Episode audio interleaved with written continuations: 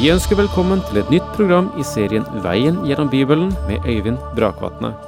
Denne studieserien er produsert av P7 Kristen Riksradio og bygger på serien Through the Bible av Vernon McGee. I dag fortsetter vi med gjennomgangen av Lukas evangelium.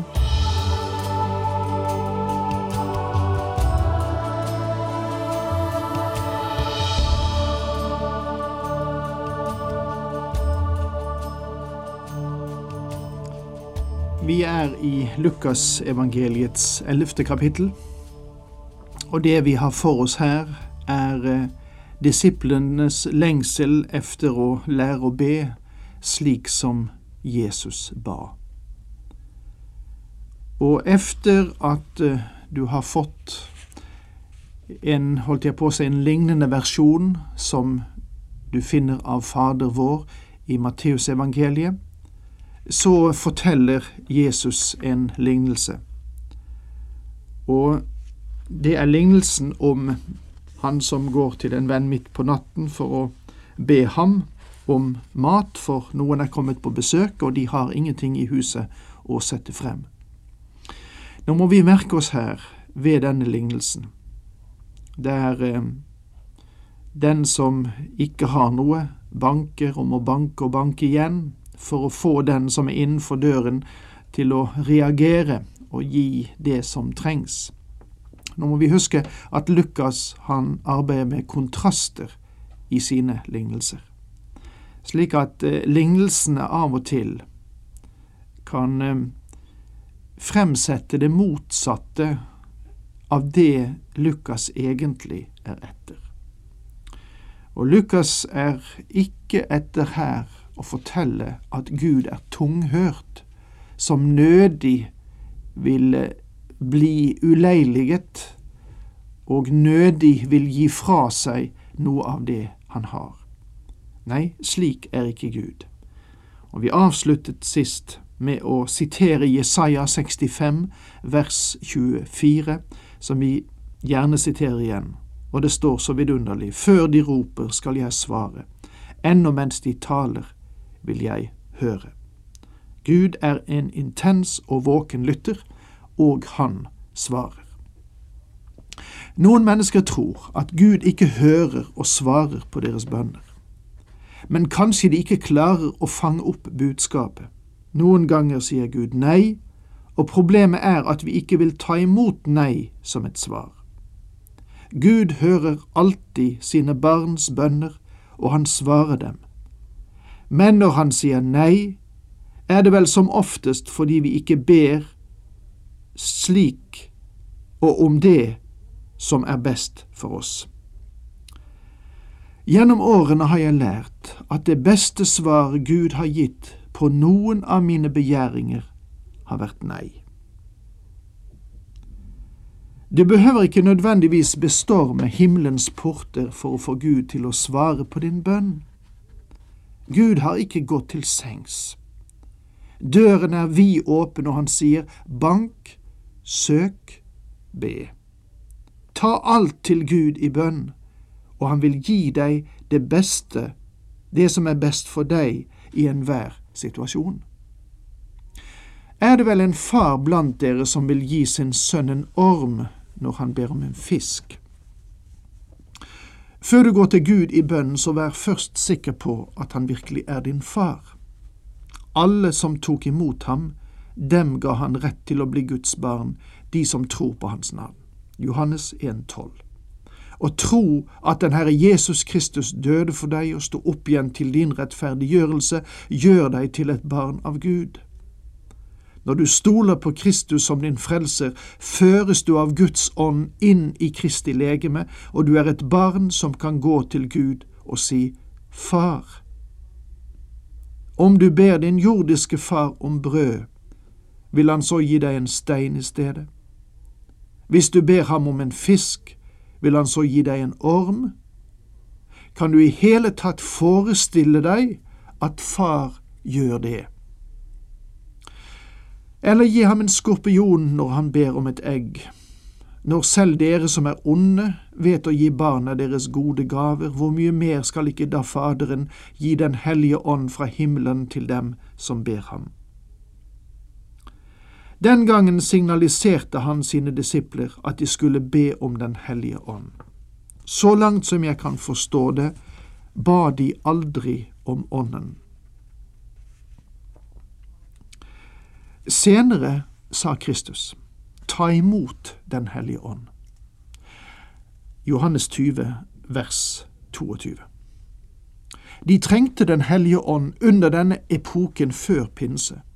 Så på den store pinsedag så kom han og døpte dem inn i legemet av de troende, som i dette tilfellet var synonymt med å være i Kristus.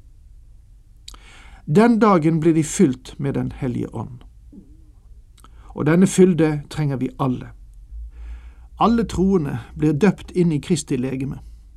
For med én ånd ble vi alle døpt til å være et legeme, enten vi er jøder eller grekere, slaver eller frie, og vi fikk alle én ånd å drikke.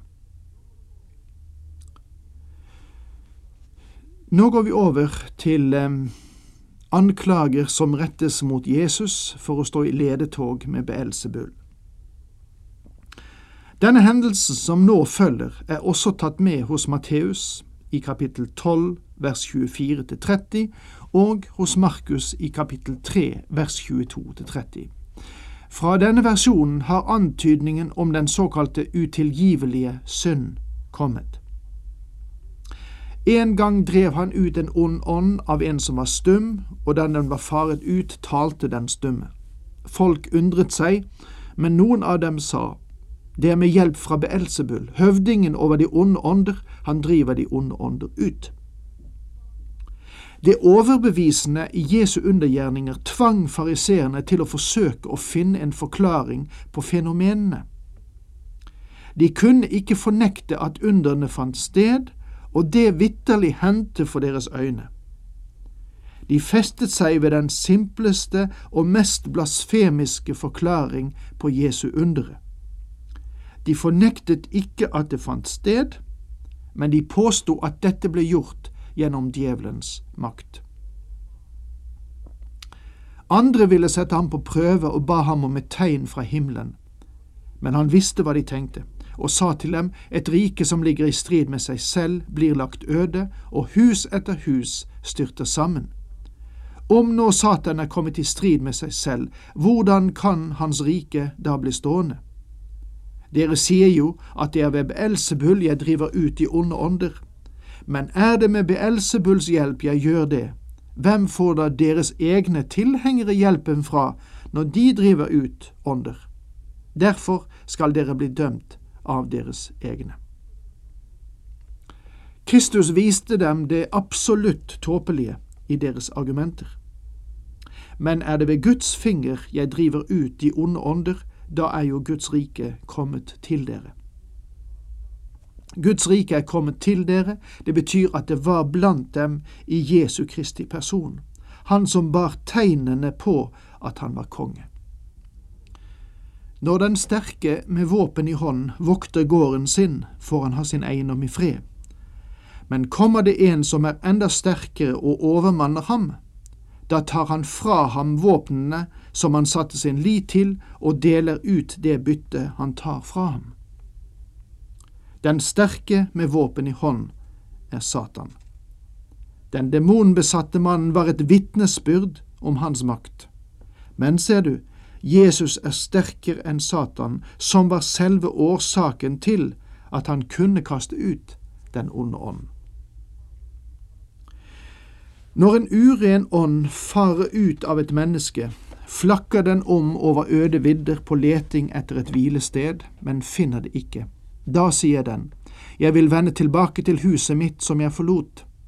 Den kommer dit og finner det feid og pyntet. Da drar den av sted og får med seg sju andre ånder, verre enn den selv, og de flytter inn og slår seg til der. Og har det vært ille med det mennesket før, så blir det verre nå. Denne lignelsen gir et bilde av den uholdbare situasjonen Israel og fariseerne var inne i. Lignelsen taler om en mann med uren ånd. Den urene ånd forlater mannen, og mannen føler at han er ren, tom, sopt og istandsatt. Reformprogram er ikke løsningen, mine venner. Om alle i hele verden ville slutte å synde nå, så ville ikke det føre til flere kristne nødvendigvis. Å stoppe å synde skaper ikke en kristen. Det som trenges, er ikke reformasjon, men regenerasjon, gjenfødelse. Israel hadde sopt sitt hus rent gjennom den tjeneste som døperen Johannes og Jesus hadde gjort, men man ville ikke invitere den Herre Jesus Kristus til å innta huset. Så denne onde generasjonen av jøder ville være mer ille ute, slik som lignelsen beskriver. Da det nå samlet seg stadig flere om ham, tok han igjen til orde. Denne slekt er en ond slekt. Den krever tegn, men den skal ikke få noe annet tegn enn Jonah tegne. For som Jonah ble et tegn for innbyggerne i Ninive, slik skal menneskesønnen bli det for denne slekt. Dronningen fra landet i sør skal tre fram i dommen sammen med menneskene i denne slekt og anklage dem. For hun kom helt fra jordens ende for å lytte til Salomos visdom, og her er mer enn Salomo. Folk fra Nineve skal stå fram i dommen sammen med denne slekt og anklage den, for de vendte om da Jonah forkynte sitt budskap, og her er mer enn Jonah. Tegnet, det ville være hans egen oppstandelse. Selvfølgelig. Han leder deres tanker tilbake til to hendelser i Det gamle testamentet. Den første gjelder beretningen om profeten Jonah. Jonah var åpenbart vekket opp fra de døde da han var i fisken. Gud førte ham ut av mørke og død, inn i lys og liv. Jonas' erfaring var typisk for den død og oppstandelse som ventet Jesus Kristus. Folket fra Nineve tok imot Jonah og hans forkynnelse etter hans underfulle utfrielse, og de gjorde bot. Israels handlemåte som en nasjon sto i en mye verre posisjon fordi de ikke tok imot sin Messias og ikke vendte om. Ingen tenner et lys og setter det i kjelleren eller under et kar, nei, en setter det i en stake, så de som kommer inn, kan se skinnet fra det. Det er øyet som gir legeme lys. Når ditt øye er friskt, er hele ditt legeme lyst, men er øyet sykt, er også ditt legeme mørkt. Se derfor til at lyset i deg ikke er mørke. Er nå hele ditt legeme lyst og ingen del av det mørk, da blir alt lyst, som når en lysende lampe skinner på deg. Herren gir en enkel forklaring på hensikten med lys. Det utleverer, sprer lys. Dets oppgave og hele hensikt er å overføre lys. Kristi oppstandelse er lys. Kristi oppstandelse er den primære lysstrålen i denne verden. Du og jeg er i en verden begrenset av fødsel og død. Vi er klemt inn mellom disse to begivenhetene. Kristi oppstandelse er det som bringer håp utenifra. Hva ville menneskene gjøre med lyset? Ja, se det er jo primærspørsmålet, og det er primærspørsmålet også for oss. Hva vil vi gjøre med lyset? Eh, ikke bare den som ennå til nå har avvist Jesus, men også vi som har tatt imot ham, eh, føler oss av og til fristet på verdens vis og vike av fra lyset. Men må Gud hjelpe oss å stå i Hans lysskinn. Takk for nå, Herren med deg.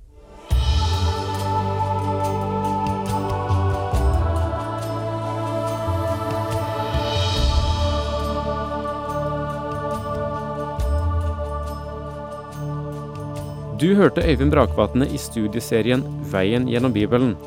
Serien bygger på et manus av Vern McGee. Har du spørsmål eller kommentarer til programmet, kan du sende en e-post til vgb krøllalfa p7.no. Takk for i dag, og på gjenhør.